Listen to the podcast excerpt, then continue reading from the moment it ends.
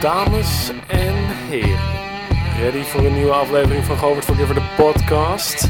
Jouw persoonlijke Olympische atleet als coach? Inside information van de pros, de experts en de thought leaders. Allemaal om jouw leven zo awesome mogelijk te maken. Ben je er klaar voor?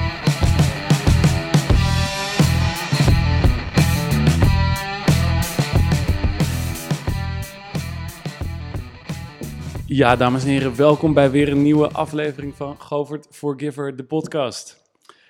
Ik heb weer ontzettend veel leuks voor jullie in petto. En uh, we gaan vandaag eigenlijk eventjes in op um, de rariteiten die jullie um, normaal gesproken op mijn Instagram-kanaal en social media-kanalen zien. En waar ik de laatste tijd ja, nog eens wel eens wat commentaar krijg van... Hey, uh, Govert, je bent misschien helemaal geen topsporter meer, maar uh, je doet nog wel steeds dit soort rare dingen... Uh, broccoli, kiemen, zuurstofmaskers, uh, microdosing, dingen kweken in je keuken. Waarom doe je dat eigenlijk nog? En lang verhaal kort, dat heeft uh, met alles met biohacking te maken. En um, daar ben ik door gefascineerd. En naast mij zit iemand die daar ook door gefascineerd in is. is en die misschien nog wel beter dan ik even kan uitleggen wat dat nou eigenlijk is en waarom dat zo'n grote impact gaat hebben op de manier waarop wij gaan leven in de toekomst ook. Want biohacking is niet alleen uh, iets waarmee je nu kan verbeteren en jezelf kan verbeteren, maar waar ook gewoon hele grote uh, gevolgen en impact uh, in, de, in onze samenleving voor kunnen zijn. En naast mij zit Peter Joosten en die is um, biohacker, net als ik, en een roeier geweest ook nog bij um, En hij heeft het boek geschreven als een van de eerste biohackers van Nederland. Heeft hij het eerste biohacking boek in Nederland geschreven. Um, de titel is uh, Biohacking. Um, dat zegt meteen eigenlijk al uh, waar het over gaat. Maar de inhoud ervan, daar gaan wij het uh, vandaag over hebben. Want we gaan het hebben over alles wat met het verbeteren van de menselijke prestaties en, en, en, andere dingen die Peter veel beter kan gaan bewoorden dan ik. Peter, welkom. Ik ga jou een quote voorleggen van uh, niemand minder dan Bill Gates. um, als ik nu een tiener was, dan zou ik in plaats van computers hacken, biologie gaan hacken. Als je echt de wereld wil veranderen, dan moet je starten bij biologische moleculen, de bouwstenen van het leven. Waarom heeft Bill Gates dit zo gezegd?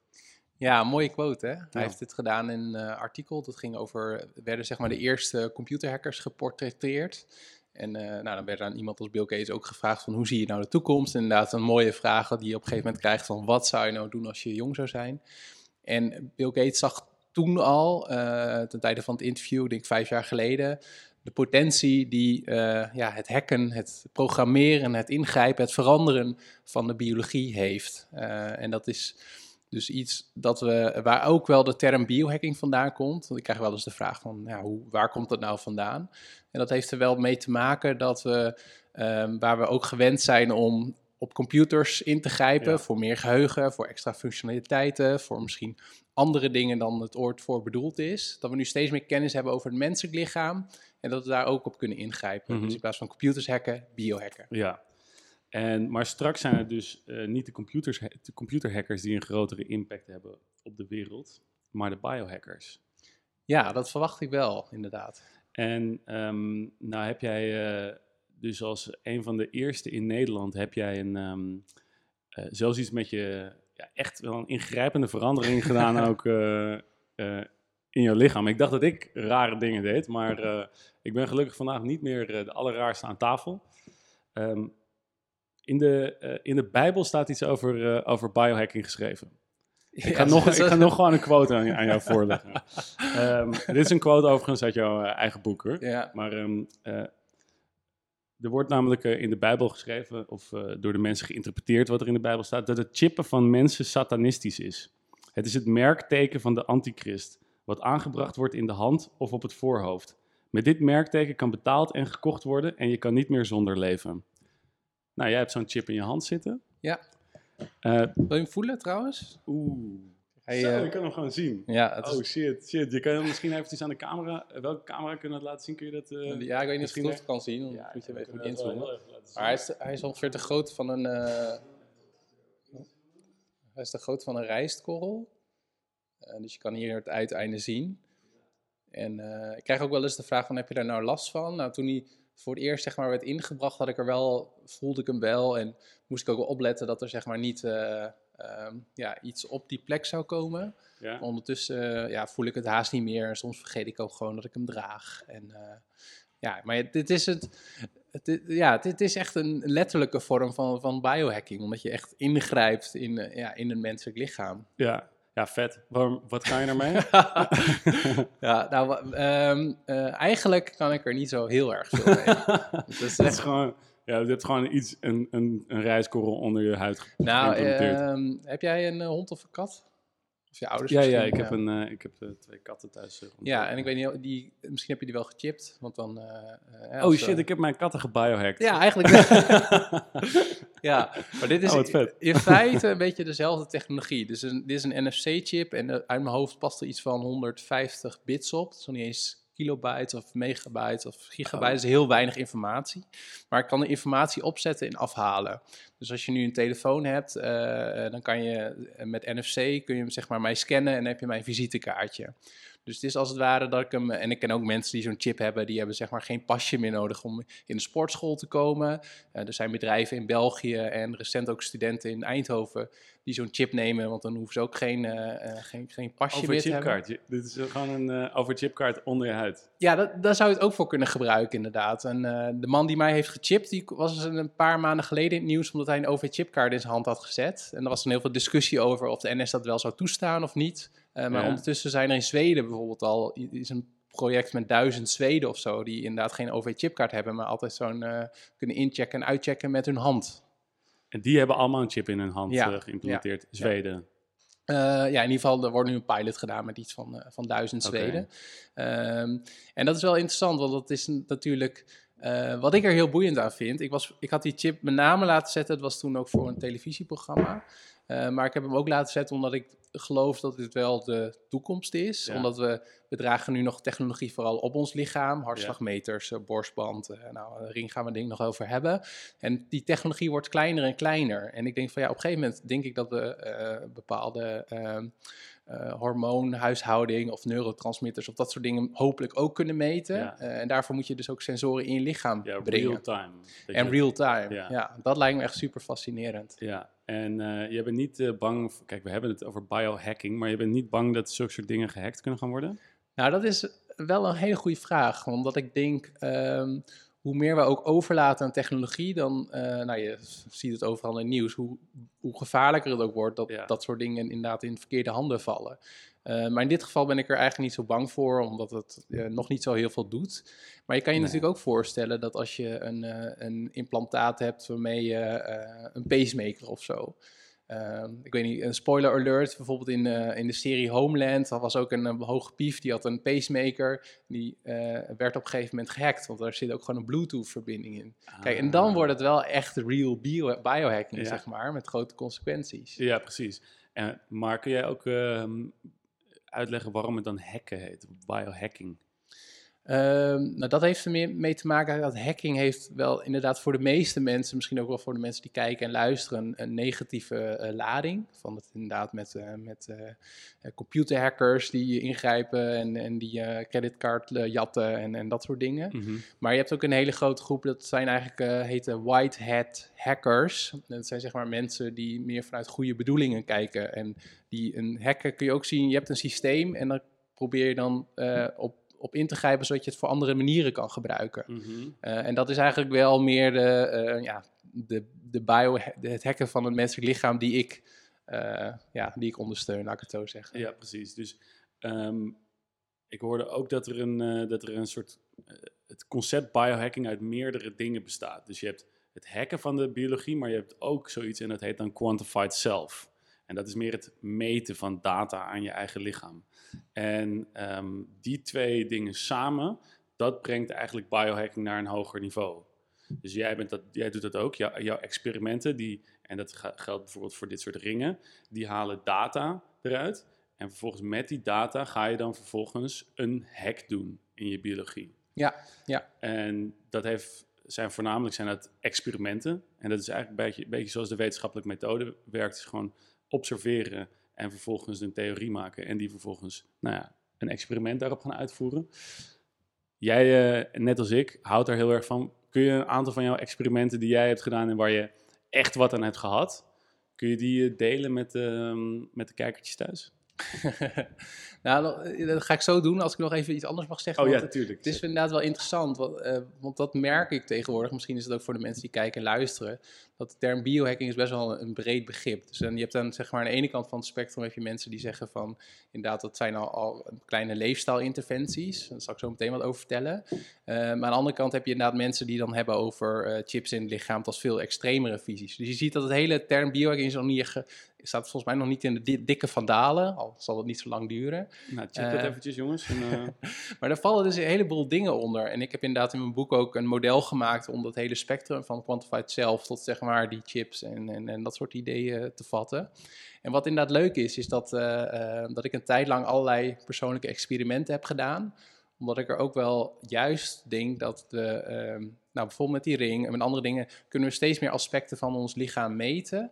Uh, en door dan kleine experimenten te doen, kun je kijken of je dan ook een, ja, je prestaties of je gezondheid kan verbeteren. En een van de experimenten die ik, uh, die ik heb gedaan is bijvoorbeeld elke dag mediteren of elke dag zoveel stappen zetten. Ik heb allerlei type diëten geprobeerd, van veganistisch tot rauw veganistisch tot uh, paleo en ketogeen. Nou, jij weet al, eigenlijk al veel meer van het ketogeen dieet. Dat is nu ook super populair natuurlijk. Ja ja, tot eigenlijk de meest uh, extreme waar mensen wel moeten grinniken, dat ik ook een keer 30 dagen geen orgasme en ejaculatie uh, heb gehad. Dus is gek, iemand is helemaal gek. maar dat, dat laatste heb ik trouwens niet kwant gekwantificeerd of zo, maar meer wat dat met me deed en, en dat soort dingen. Ehm, dus ik vind het heel leuk om, om ehm, ja, die kleine experimenten te doen, want veel uh, dat wordt beter hoor, maar veel in de geneeskunde bijvoorbeeld is ook heel erg gericht op, op uh, gemiddeldes. Uh, en zeker was ja. laatst ook in het nieuws dat uh, veel onderzoek wordt gedaan onder ehm, ehm, mannen bijvoorbeeld. Dus dat, dat, bepaalde medicatie bijvoorbeeld ook bij vrouwen niet werkt. Of dat mm -hmm. bepaald onderzoek heel veel wordt gedaan bij studenten aan westerse instellingen, zeg maar. En ik geloof heel erg dat je, ja, dat je dat die quantified zelf dus altijd dat meten, maar je kunt ook denken aan het uh, DNA-analyse en al dat Mhm. soort dingen combineren. Dat je dus veel meer over je eigen lichaam weet. En op het moment dat je weet hoe het werkt, kun je erop ingrijpen. Dus als je weet hoe het werkt, kun je, kun je het hacken, kun je het verbeteren. Ja, precies. En dat is dus ook de volgende stap, is dat jij met, je, met jouw eigen data naar de dokter toe gaat en zegt, kijk hier, dit is mijn data, vertel mij wat er, wat er mis met mij is. Ja, Maar dat is echt het, het laat zeggen, het oplossen van, van, van, van defecten in, je, in jezelf als je ziek bent. Maar eh, ja, wij, en als topsporter ben je eigenlijk al heel erg goed. Maar wil je eigenlijk van, eh, van, van beter naar best, van goed naar beter naar best. Eh, dus dan gaat het meer om optimaliseren. En dat vind ik ook in de meeste onderzoeken vind ik dat eigenlijk een, een manco. Dat, je dus niet, dat het dus niet gaat over hoe kunnen we iemand nog beter maken, hoe kunnen we iemand eh, nog beter maken. Maar dat het eigenlijk allemaal gaat om het genezen, het genezen van ziektes. Nou word jij er wel heel erg voor, eh, voor door, door, door zorginstellingen. Die vinden dat bijvoorbeeld weer heel interessant. En die, gaan daar heel, die geven, stoppen daar geld in. Maar zie jij dan ook wel eh, dat biohacking daar een rol in gaat spelen voor de, voor de mensen zelf? Dat als je dus beter, eh, beter met je eigen gezondheid omgaat, dat uiteindelijk bijvoorbeeld in de zorg dat door gaat, door gaat sijpelen. Dat bijvoorbeeld jouw zorgpremie naar beneden gaat als jij een biohacker bent. ja. Nou, je ziet, eh, eh, ik zie al wel interesse. Dus ik geef inderdaad veel keynotes en presentaties bij, bij zorginstellingen. En dan gaat het echt van academische instellingen zoals UMC Utrecht en LUMC, eh, maar ook Martini Ziekenhuis of Zuiderland eh, Medisch Centrum, eh, tot aan inderdaad verpleeg- en verzorgingshuizen. Die zijn allemaal wel geïnteresseerd in, in, in dat, dat zou je ook meer preventieve geneeskunde, dus dat de geneeskunde nu veel gericht is op, op, op genezen. En dat het eigenlijk Mhm. meer richting preventie gaat. Mhm. Juist ook met, met behulp van allemaal gadgets en tools en eigenlijk ook meer een verantwoordelijkheid. En dat is natuurlijk ook een interesse die zorgverzekeraars hebben, maar er zit ook weer een hele eh, ja, politieke en juridische lading onder. Hè, van volgens mij is het nu zo, maar dat weet ik dus niet. Als je rookt, heb, moet je een hogere premie betalen. Mhm. Maar misschien gaan we daar wel naar een situatie toe dat, dat dan veel meer aspecten worden gemeten. Maar goed, dat is eigenlijk meer een, eh, hè, bijvoorbeeld inderdaad eh, of je DNA instuurt en, en alle, alle Ja. vragen die daar natuurlijk bij zitten. Maar ik vind dat wel een hele interessante ontwikkeling in de, eh, van ja, precies. hoe, hoe, hoe gaat dat veranderen? Maar ik had ook nog, ehm, nog een vraag aan jou, want ik was wel benieuwd in jouw leven als topsporter. Stonden zeg maar de sportarts en de fysiotherapeut en weet ik veel wie, je, misschien wel je, je roeicoach. Eh, stuur je hen af en toe een, eh, een databestand en zeg je van hé, hey, dit is mijn, eh, weet ik veel, hoe ik heb geslapen afgelopen dagen in combinatie met, met de trainingsarbeid of zo. Dus ik was wel benieuwd, hoe, hoe stond het, het roeitechnische omveld zeg maar tegenover jou als, als biohacking roeier? Mm, ik denk niet dat ze daar veel. Ik heb eigenlijk werd vooral geridiculiseerd, om het zo maar te zeggen. Ja, dat is op een gegeven moment is dat begonnen omdat ik op het tra- Olympisch trainingscentrum had ik een, een, een slow juicer neergezet. En daarin gingen gewoon voor eh, destijds voor de, voor de Holland 8 gingen er echt kilo's met eh, tarwegras doorheen. En ja, dat is, kijk, jij zegt van, ah oké, ja, nee, gras, tuurlijk, tuurlijk ga je gras door een perser heen halen. En dat gras dronken wij dan daarna.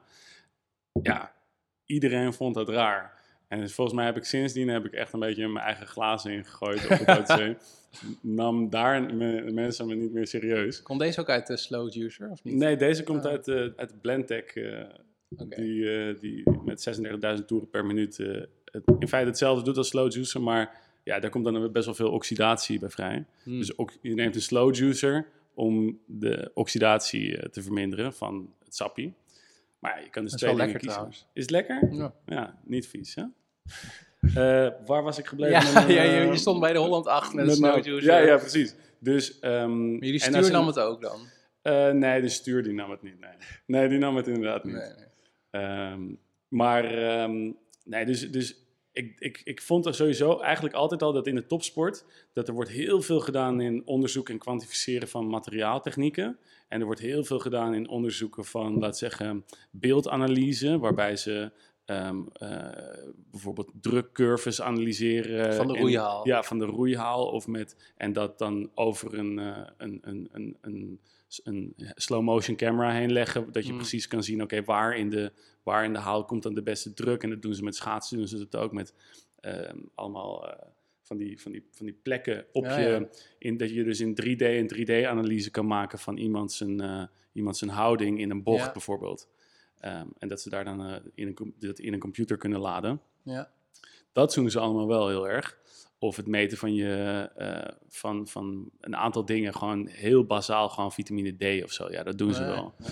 Of dat je, ehm, ja, gewoon echt een, een algemeen bloedbeeld, dat is het. Maar dat was allemaal gewoon van, oké, de ondergrens is dat je ziek wordt. Dus dan kijken ze gewoon, oké, dit is de ondergrens voor de gemiddelde persoon in Nederland. Ja. En op het moment dat je daaronder zit, ja, dan krijg je een interventie. Dan krijg je extra vitamine D. Maar eh, nee, er wordt door niemand gekeken van... hé, hey, wat is nou eigenlijk optimaal? Eh, misschien heb jij wel in jouw DNA een bepaalde eh, mutatie... dat er geen omzetting van een bepaalde B-vitamine komt. En dat hebben we voor best wel veel mensen. En als je dat niet weet... Dan, eh, dan kan er bijvoorbeeld een. ehm, dan, kan je, dan kan je minder goed die, eh, die vitamine B opnemen. Hmm. Maar dat wordt niet gecheckt. Nee. En ik denk, ik geloof heel erg in dat je een soort van totaalplaatje moet gaan maken van een atleet. Eh, niet alleen van zijn techniek en niet alleen van zijn drukcurves en niet alleen van zijn houding en, zijn, en, zijn, en, en, en hoe, die, hoe, die, hoe die mentaal presteert, maar ook van zijn DNA. En dat wordt gewoon echt nog niet gedaan. Er zijn wel mensen die dat doen, maar dat wordt in de meeste topsport wordt dat nog een beetje als pseudo-wetenschap wordt het beschouwd. Ja, nee, want ik, ik kan me juist wel voorstellen, want weet je, eh, mijn groeicarrière is helemaal niet zo bijzonder, zeker niet in vergelijk- vergeleken met die van jou, maar ik kan me wel goed voorstellen dat toen ik zeg maar in training eh, ging, of eh, net ervoor hadden we de twee kilometer test. Ik denk elke roeier die dit luistert, die kent dat wel. Maar ik denk, het maakt best wel wat uit hoe goed je bijvoorbeeld hebt geslapen de avond van tevoren. En niet, niet hè, die, ik wil niks afdoen ten, ten opzichte van die tijden, dan nemen de coaches mee. Maar het zou wel interessant zijn dat je weet van, nou, die atleet die heeft inderdaad eh, nu die tijd, maar we kunnen ook aan de slaapdata zien dat dat verklaarbaar is. Of dat hij inderdaad een hele goede nacht heeft gehad en dat hij of zij daardoor... Dus ik, ik zit meer te denken van, het zou mooi zijn als je meer variabelen eigenlijk meeneemt in, in, in zeg maar, bijvoorbeeld zo'n uh, twee kilometer tijd. Ja, precies. Nou, kijk, wat dat betreft staat, uh, staat de roeisport, maar überhaupt staat um, in Nederland best wel veel van de sporten staan echt nog wat dat betreft in de kinderschoenen. En daar kunnen we echt nog veel meer mee doen. En ik weet dat in, in Amerika zijn ze er al veel verder mee. Maar uh, daar, nee, daar hebben ze bijvoorbeeld um, een vent uh, in het Amerikaanse Olympische team zitten. Die heeft eerst voor het leger gewerkt voor DARPA, hun Research and Development project. En die werkt dus echt aan dat ze bijvoorbeeld met um, in, in zweet, uit zweet data kunnen halen. Dat ze kunnen zien wat hun cortisolwaardes van atleten zijn. En dat ze ook kunnen zien van hé, hey, is nu cortisol is een stresshormoon. Van hey, uh, herstelt deze atleet wel goed? En dan kunnen ze uit, dus uit data, uit, uit zweet, kunnen ze real-time kunnen ze dan uh, zien wat iemands cortisol level is. En wat dan in zijn lifestyle zijn cortisol levels gaat spiken. Nou, dan weet je als atleet, oké, dat moet ik dan niet meer doen. En dat zijn wel hele handige dingen. Ja. Uh, en voor het, voor in het, dat, dat heeft natuurlijk, dat kan je eerst op topsporters testen. En vervolgens, als het werkt op topsporters, kan je het in het leger gaan doen. En daar kun je er een heleboel, een heleboel geld mee verdienen. ja. Dus, en ja, daarin zie ik dus dat, het, dat biohacking gewoon een grote impact heeft op grotere systemen. Mhm. En dat is, weer, dat is weer jouw pakje aan. Want ja, ehm, die grote systemen, die gaan uiteindelijk bepalen waar, waar de toekomst naartoe gaat. Mhm. En um, ja, biohacking gaat daar ongetwijfeld een, uh, een rol in spelen. Ja, maar het is wel, eh, als ik, uh, het is wel inderdaad een ontwikkeling van onderaf. En dat vind ik wel heel interessant om op dit moment te zien. Dus het zijn uh, meer inderdaad, ja, nu zijn het echt, dat is echt mijn overtuiging. En nu zijn het nog een beetje gekkies of weirdo's. En dan zoals, ik, zoals wij. Zoals wij. Ja. alleen dat is dus wat zeg maar die computerhackers eerst ook waren in de jaren 60, 70. Waren een beetje mensen aan de rand, een beetje, nou wat ik zei, een beetje gekkies en weirdo's. En op een gegeven moment zie je dat dat meer wordt geaccepteerd, dat meer mensen het gaan doen. Ja, en inderdaad. ja. En nu zit het in, zijn al die hackers zijn in Silicon Valley de big boys die uh, nu de apps hebben opgericht. En zijn daar de tech-miljonairs ja, geworden. Ja, dus dat worden wij straks ook. Oké, ja, nice. goed, goed om te weten. of we blijven gewoon voor altijd gekkies en weirdo's. Maar wat vind jij, als je het hebt over wat, wat de grootste impact gaat hebben, um, wat vind jij op dit moment het interessantst, denk je? Uh, ik denk iets op korte termijn en iets op lange termijn. Op korte termijn zie ik nog wel steeds de, de vorderingen als het gaat om dataverzameling. Um, dus uh, we hebben het al over de, uh, die Aura-ring. Hoe zeg je Aura ja. of Ora? Au, o, Eura. Eura. De Eura-ring. Finse, Finse ring. Maar die Ja, dingen die worden dus al steeds kleiner. Dus ik, ik, het is zeg maar dat ik verwacht dat we op een gegeven moment ook, ook t-shirts, dat er gewoon sensoren in zitten. Ja. En, en, en dat Levi's uh, bewijs van ook diensten aanbiedt. Om, van het wordt nu tijd om je broek in te leven. Dus veel meer Ah. data. Dat is zeg maar op, op relatief korte middellange termijn. Op lange termijn denk ik dat we nog veel meer gaan zien rondom genetica. uh, maar ook genetische modificatie. Uh, en daar komen natuurlijk allemaal ook weer ethische vragen bij. Dus genetica is van uh, hoe werkt jouw DNA of hoe codeert zeg maar, je genoom voor, voor nou, je fenotype. Inderdaad, wat jij net zei over dat vitamine B2 voorbeeld, geloof ik.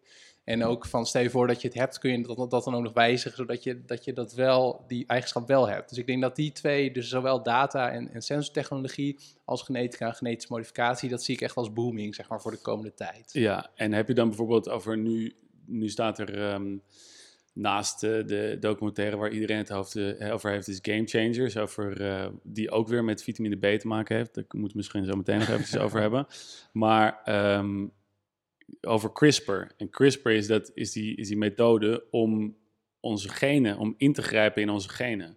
En als sportman kijk ik daar wel even met een schuine oog naar. Mm. Van oké, okay, um, dat wordt gewoon, er wordt al jaren over gepraat. Maar op het moment dat gendoping kan gaan, uh, de, kan gaan komen, dan zijn, we, dan zijn we echt fucked.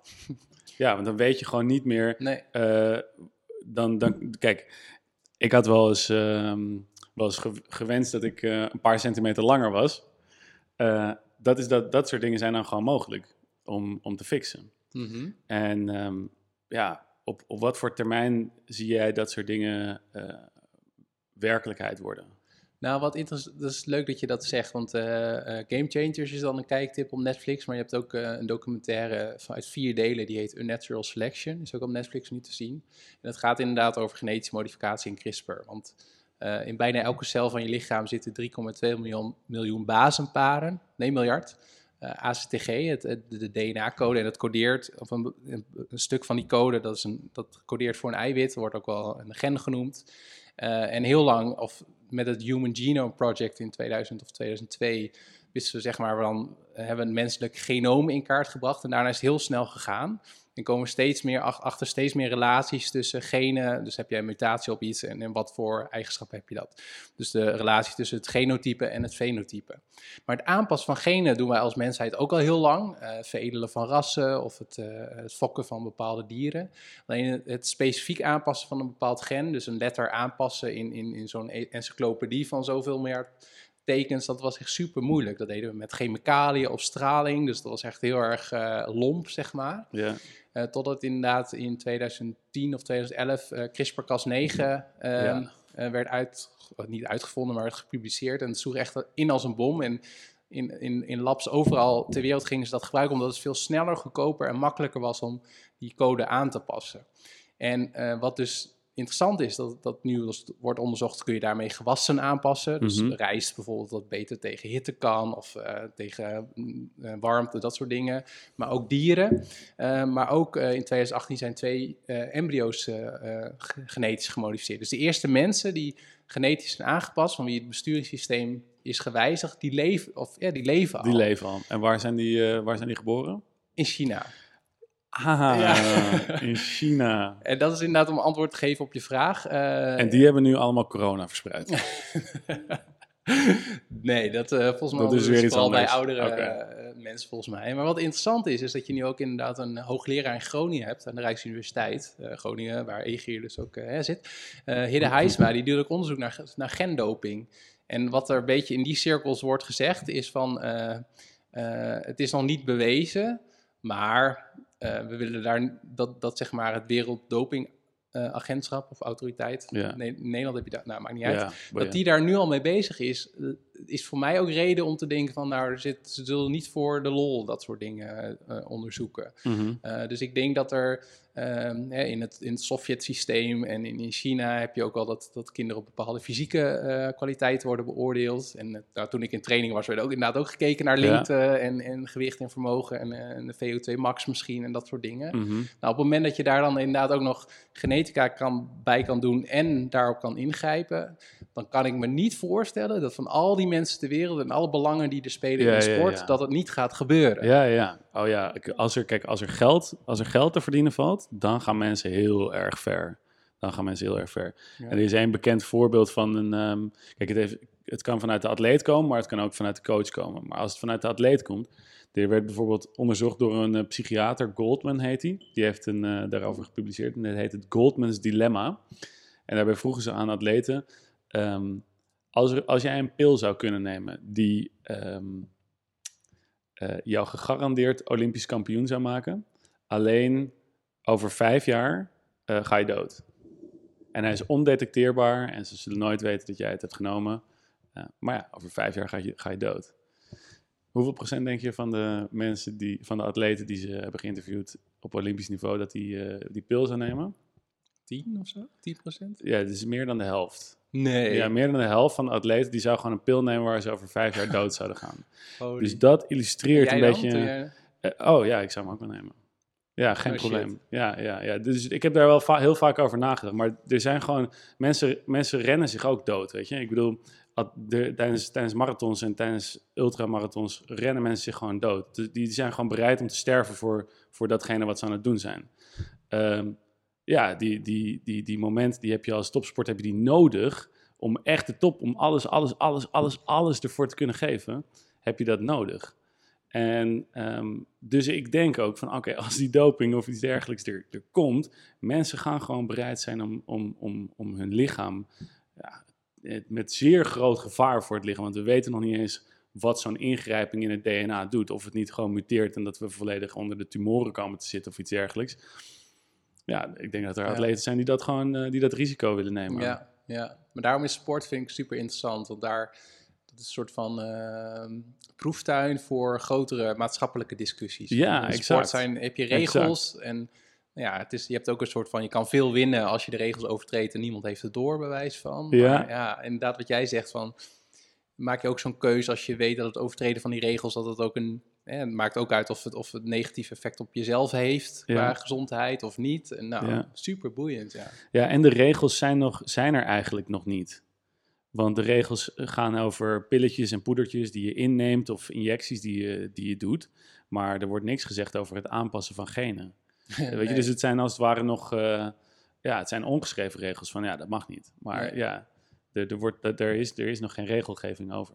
Nee, Dus nee. het is echt nog, eh, dus de, de, die, op het moment dat dat gebeurt, dan, dan moet daar nog eh, jurisprudentie over gaan komen. Dat- Ja, maar ja, dat loopt vaak achter, hè? Juridisch. eh, Precies, dus, de, dus we gaan eerst excessen komen, er gaan Ja. eerst problemen komen en dan pas gaan we het kunnen fixen. Ja, Ehm, maar ehm, we, gaan het, eh, we gaan het niet over problemen hebben, we gaan het hebben over oplossingen. Mogelijkheden, Ja, over mogelijkheden. Wat zijn een aantal van de, van de, van de biohacks die jou echt, eh laat zeggen, dit is dan even voor de, voor de mensen die, ehm, die gewoon thuis een kantoorbaantje hebben of die aan het studeren zijn of gewoon een serieuze kantoorbaan. Hè, ik noem het, eh, ik denigreer het natuurlijk. Wat zijn de dingen die mensen gewoon thuis kunnen doen om hun fysiologie en hun leven te verbeteren door middel van biohacking? Nou, een van de interessante dingen is, dacht ik, neem ook even wat gadgets mee. Ja, Eh, leuk.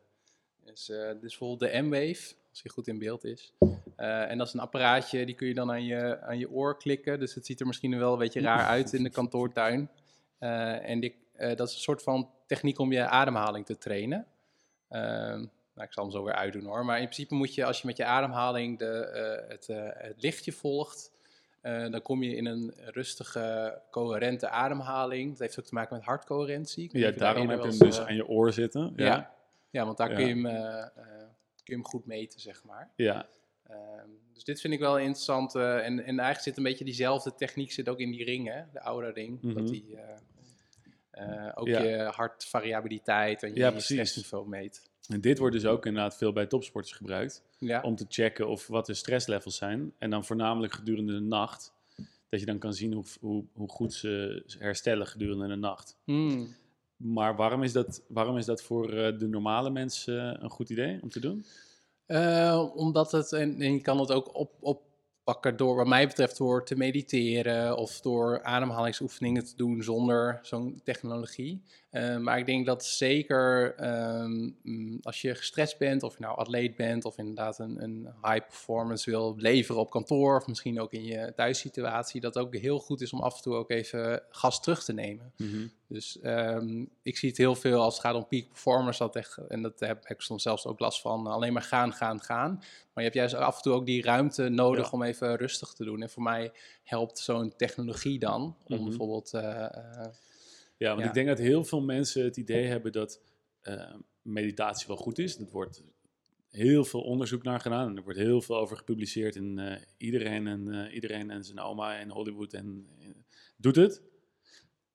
Maar het is nog ongrijpbaar. Van oké, hoe en hoe moet het dan? Eh, Ja. En dan gaan mensen gaan een appje downloaden of zo, of een, eh, gaan een geleide meditatie doen.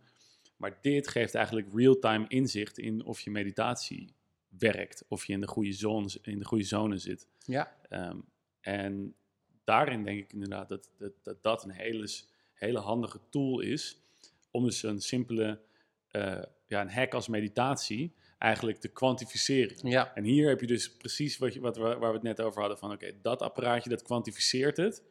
En de biohack is meditatie. En die samen doen zorgt er eigenlijk voor dat je een beter resultaat hebt dan dat je ja, alleen maar zou mediteren zonder ja, dat of je alleen maar zou meten. of inderdaad. alleen maar zou ja. meten. Ja, Ah, mooi, ja. voor- mooi uitgelegd, ja. Oké, nou ja, dankjewel dat ik dat, eh, dat ik het moet uitleggen. Heb je, heb, je, heb je nog meer? Ik zie nog meer vette dingen liggen. Ja, ja, en dat heeft ook met het brein te maken. eh, maar deze is wel iets minder onderbouwd hoor. Of iets minder wetenschappelijk onderbouwd. Wat wel is wel interessant. Ik doe nu ook een cursus wetenschapsjournalistiek. Dus ik word ook iets kritischer ten opzichte van dit soort, eh, dit soort Ah dingen. ja, ja, ja. En dit is een apparaat dat heet de Tink.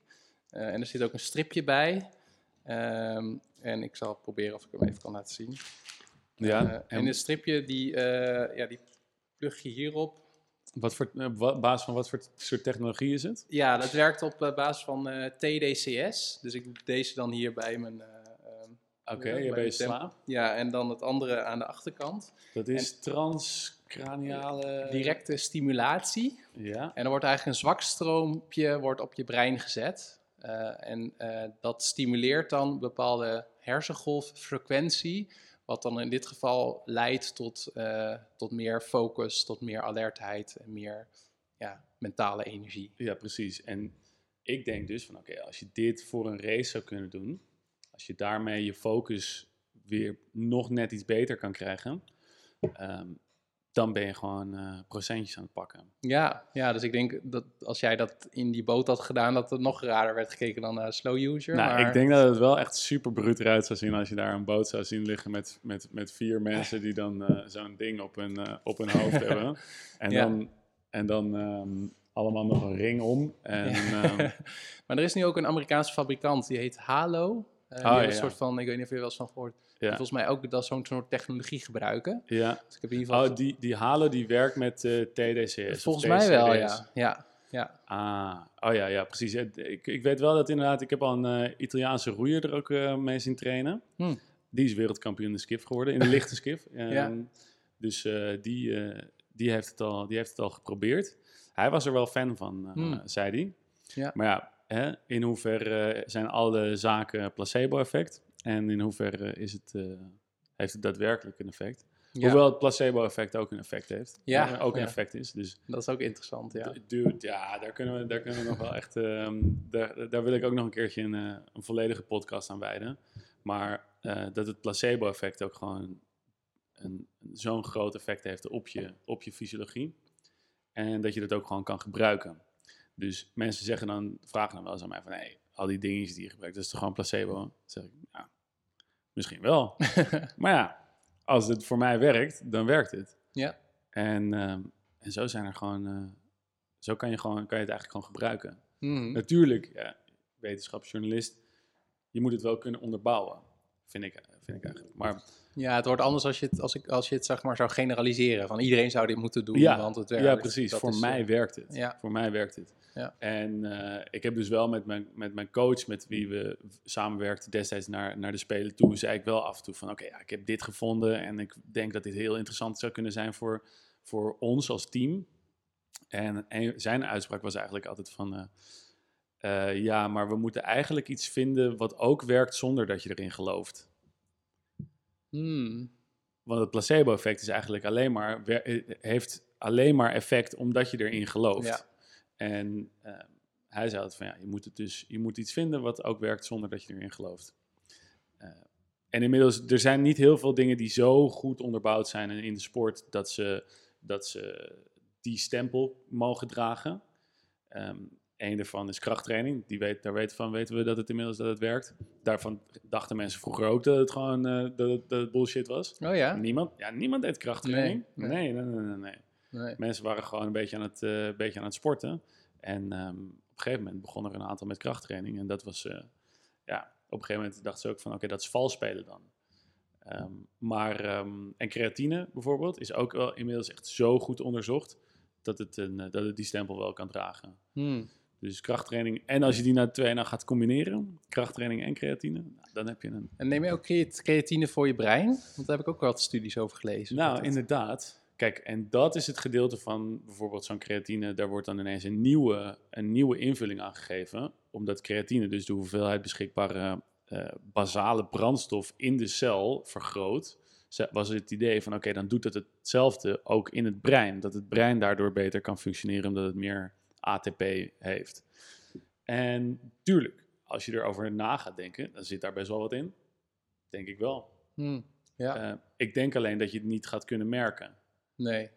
Het is niet dat je de volgende dag gaat studeren en denkt, wow, een soort van, Nee, zoals in de nee, film nee. Limitless, dat je dan eh, alles unlockt of zo. En, en daar zijn we allemaal wel naar op zoek. ja, Maar eh, heb jij dat al gevonden? ik heb het, ik heb het nog niet gevonden, ehm, eh, maar ik heb wel een bepaalde, eh, bepaalde supplement. Als ik echt een moeilijk artikel wil schrijven of ik ga een lezing voorbereiden die ik wel een beetje spannend vind, dan is het ook een, een soort van routine. Dan doe ik zeg maar bij Neural Beats aan en dan eh, ga ik op een speciale werkplek zitten en neem ik inderdaad een bepaald type nootropic. Maar dan, dat zijn allemaal dingen... Je, je, je hebt wel inderdaad allemaal dingen genoemd Ja, waarvan, waarvan de mensen thuis echt nog geen idee Ja. hebben wat je zegt. Oké, binaural beats, eerst daar. Ja, ik zal het niet te lang eh, houden, maar bij Neural, bij Beats is dat je... ehm, kun je ook gewoon op YouTube opzoeken trouwens. ja, Eh, YouTube en Spotify staan er allemaal op. Ja, heb je, moet je wel met oordopjes doen of met zo'n hoofdtelefoon. en dan krijg je links een andere frequen- eh, frequentie dan rechts. En dat verschil daartussen, dat stimuleert je om weer een bepaalde hersenfrequentie bij jouzelf te stimuleren. Als Mhm. ik het zo goed zeg. Ja, ja, ja. Dus dan eh, kan je, eh, je kan bijvoorbeeld als je wil slapen, dat is meer delta hersengolven, dan kun je zo'n muziekje luisteren. Maar ik doe het dan, voor- ik moet altijd goed zeggen, meer alfa. Want dan kom je meer zeg maar in focus Ja, en flow focus en, en flow, concentratie. En dus het idee is dat die, dat verschil tussen die frequenties, dat dat bij jou stimuleert dat je ook in die frequentie Ja, gaat. dus als mensen even praktische dingetjes mee willen nemen, dan kunnen ze Alpha Wave Binaural Beats. Het is Ja. BIN, B-I-N-A-U-R-A-L, toch? ja, Ja, bijna. Ja, ik heb daar echt oprecht best wel, eh, best wel oké resultaten mee, eh, mee gehaald. Hm. En zeker als je het dus eventjes combineert met bijvoorbeeld iets als, iets als meditatie, een, een focusoefening. Want dan eh, word je nog eens eventjes ge, ge- dwing je hersenen echt om in een bepaalde staat terecht te komen. En studeren eh, of presteren is gewoon een bepaalde staat waarin je brein is. Dus een bepaalde een focus, daar kunnen we meten in een functionele MRI-scanner. Als je focust, dan is jouw brein op een bepaalde manier bezig. En dan heeft de elektrische lading in jouw brein heeft een bepaalde frequentie. En dat kun je dus met zo'n, met zo'n eh, binaural beats of met meditatie, kun je dat in real time, kun je dat gaan, als je onder zo'n scanner ligt, kun je zien dat die frequentie meer gaat richting die kwantificeerbare focusfrequentie.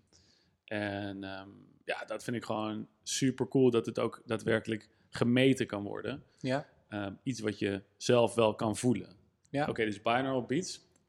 Ga verder. Wat, we- Ja, wat had ik nou nog meer gezegd? Ja, dan hebben we, maar dan ook gewoon, ik heb gewoon een routine, hè, dat ik bij zo'n s- stabureau sta, omdat dat ook eh, beter is dan, eh, dan de hele tijd zitten. En dan heb ik dus ook de, eh, niet creatine slik ik niet, maar ik gebruik dan Paneuromix. Dat is een eh, eh, supplementenmerk, eh, een soort van nootropic of smart drugs. Dus dat Mhm. zijn supplementen voor je brein. En moet je me niet precies vragen wat erin zit. Eh, daar heb ik wel eens naar gekeken. Maar dat helpt bij mij ook om even wat meer, eh, Ja. ook meer focus en concentratie. Ja, daar zit echt een mix in van allerlei zaken. Ehm, vond, vond ik op zich inderdaad echt een, eh, een, een, een ding, maar dat is meer een soort van shotgun approach. Oké, dan, dan stop je gewoon alles stop je in die pil en dan, dan bangst. Dus Ja. eh, schiet, schiet je op je brein. Ehm, heb je ook gerichte dingen waarvan je weet van oké, die werken voor mij echt heel erg goed? Eh, nee, dat is alweer een tijdje geleden dat ik daarmee heb geëxperimenteerd. Heb Ja. jij zelf eh, bepaalde... Nou ja, wat ik dus cool vond, was dat je in het begin had je het over neurotransmitters. En ja, ik moet uitkijken dat we niet te ver in de nerdmodus eh, schieten en dat de mensen thuis gewoon afhaken. maar eh, als je het hebt over, over hoe je je brein kan verbeteren, dan zijn de boodschappers in je brein die de signalen overbrengen, dat zijn gewoon de stofjes die je moet willen hacken. En, eh, want dat gaat uiteindelijk bepalen of je in de juiste focus terechtkomt. Dat zijn de neurotransmitters. En die neurotransmitters die worden gewoon ook weer opgebouwd uit bepaalde stofjes. En die hebben bepaalde vi- vitamines nodig om omgezet te worden vanuit bouwstoffen tot de neurotransmitter. En als je die vitamines niet hebt, dan worden die neurotransmitters ook heel eh, slecht aangemaakt. En de meeste van die neurotransmitters die hebben gewoon B-vitamines nodig om omgezet te worden. Dus ik heb heel erg gemerkt dat een, ehm, een, eh, een, een B-complex met verschillende B-vitamines, maar dan wel bepaalde vormen. Dus dan moet je een gemethyleerde, zogenaamde gemethyleerde vorm hebben, want die werkt dan precies op het DNA. En heel Mm. veel dingen die je in de ethos krijgt, is allemaal plep. Dat, is gewoon, dat wordt allemaal gewoon uit een of andere chemische substantie wordt het gehaald. En dat is dan een eh, B-vitamine die niet echt precies daar op het gen werkt. En dat die dan niet die eh, omzetting van die neurotransmitter kan, kan, kan regelen. Hmm, Ehm, dus ja, ik heb gewoon gemerkt dat, eh, dat, dat neurotransmitters, daar, als je daar een beetje op gaat, op gaat focussen, En ehm, En dat is een goede B-complex. Dus bijvoorbeeld Ja. inderdaad een B-complex. En, maar het, ja, er zijn, er zijn op dat gebied zijn er, eh, is het, loont het zeker om eventjes daar, ehm, daar dieper op in te gaan. ja. Dus ik kan wel een keertje kan ik met jou een, eh, een testje afnemen. Ja. En dat is best wel leuk. Zo'n testje,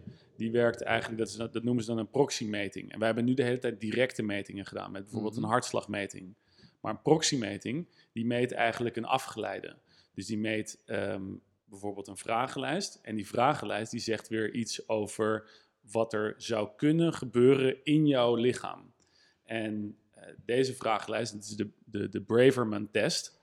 Die Braverman-test, die, ehm, die is al heel veel afgenomen bij, ehm, bij, eh, bij mensen. En op, omdat die zo vaak is afgenomen, kunnen we nu eenmaal wel, nu wel ongeveer stellen van oké, eh, ze hebben dan, dan weerlegd tegen daadwerkelijke harde metingen door bloed af te nemen en door dat soort, eh, dat soort zaken te, te checken in het bloed. En dan die uitslagen van die test ernaast, van zo'n vragenlijst. En dan zie je van oké, die komen gewoon echt best wel goed overeen.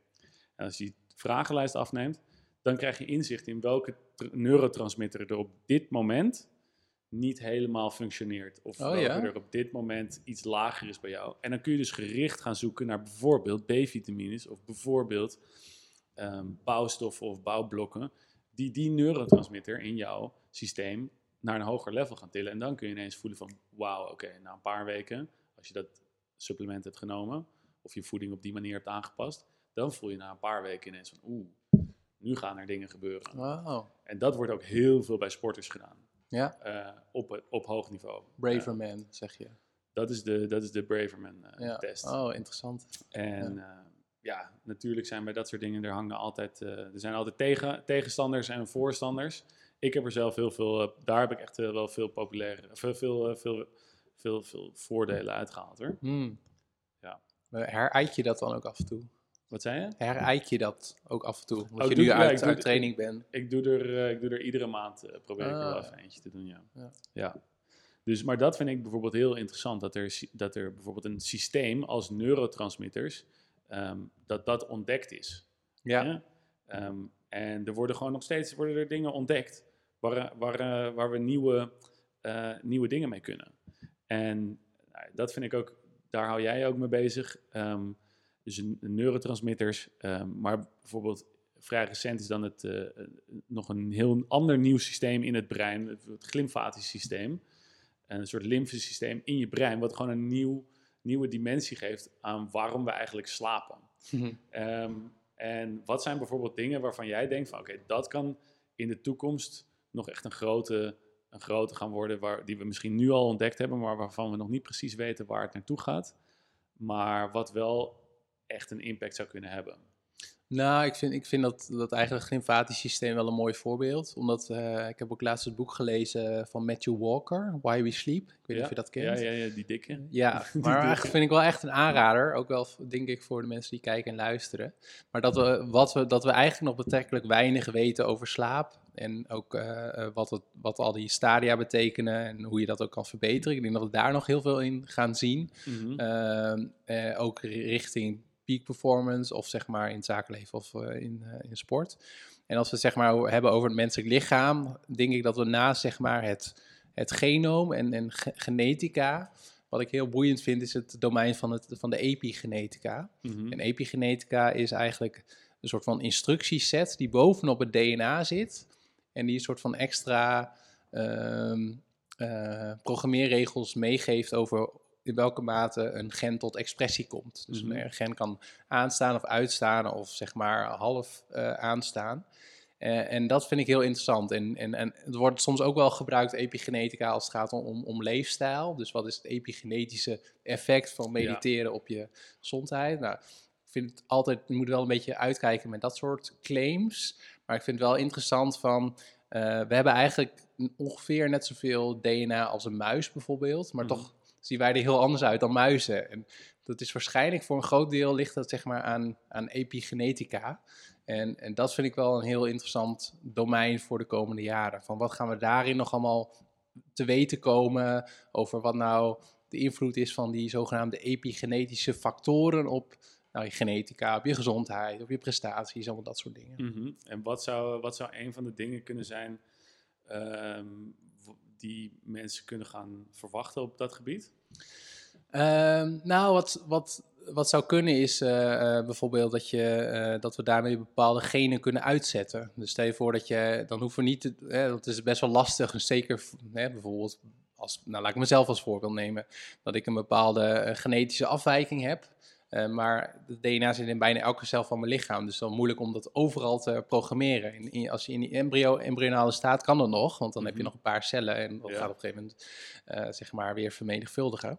Maar wat dan interessant zou zijn, is dat je met epigenetisch programmeren theoretisch een bepaald gen kan uitzetten, zeg maar. Dus een soort van zeggen van je kan die onderdrukken. Dus dan denk ik dat zeker in richting de toekomst van de zorg dat dat heel interessant is.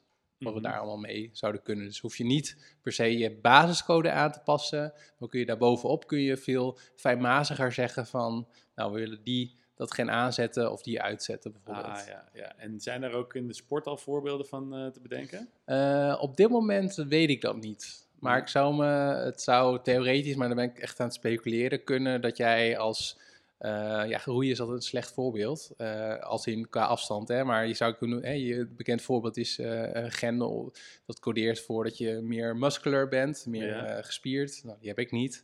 Ik ben meer zeg maar een, eh, een, eh, een beetje een duursporter. Maar het kan zo zijn, ik heb er een keer een lezing over gehad van een man, die zei van, eh, ja, ik was altijd, eh, weet ik veel, 100 meter renner.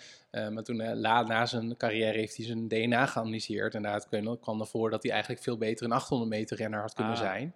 Nou, mogelijk had hij nog wel 100 meters kunnen blijven rennen, maar dan door epigenetische factoren dat het dan eh, dat hij daar beter voor geoptimaliseerd zou kunnen worden. Dus Ja. dat is heel erg fictief, maar dat soort dingen kun je dan aan denken. Oh ja, precies. Dus je weet, in, je gaat kijken, oké, wat zit er in jouw DNA? En dan vervolgens ga je kijken, oké, waar wat is optimaal voor mijn DNA? En vervolgens ga je bijvoorbeeld jouw training ga je aanpassen op wat er optimaal zou zijn voor jouw DNA. Nou, dat is eigenlijk een, een, eh, een, eh, een voorbeeld wat het inderdaad wat dichter in de tijd zit. Wat denk ik nu misschien Ja. wel wordt gebeurd dan, dan, eh, dan mijn voorbeeld. Ja, Ja, ja, ja, leuk.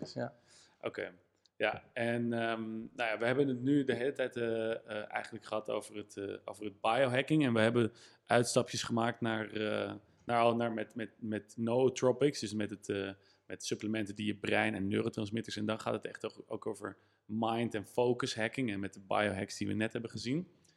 Ehm, er is nog één andere vorm van biohacking, ehm, die, waar jij het ook over hebt in je, in je boek.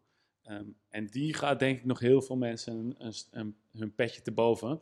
We gaan heel kort eventjes daar een, eh, klein, eh, een klein uitstapje naar maken. En dan, eh, daar, dan, dan want die gaan we, die gaan we een keertje eh, in een aparte aflevering doen. Maar dat is consciousness hacking. Hmm, ja.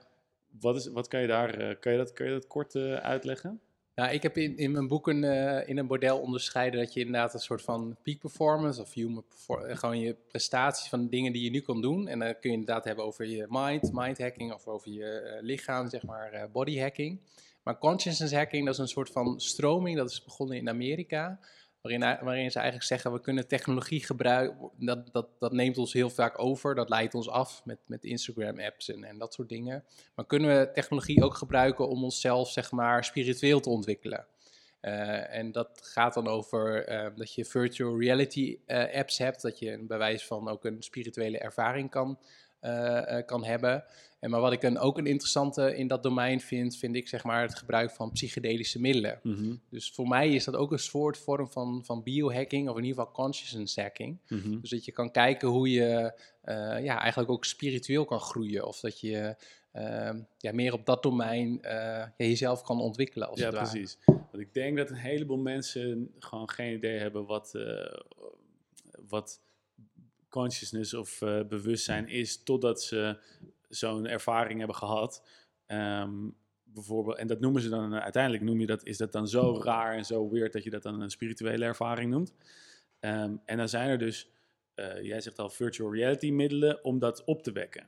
Ja. Uh, maar ook, uh, en dat is, dat, dat is natuurlijk super interessant, dat er gewoon natuurlijke middelen zijn die dat ook kunnen. Ja.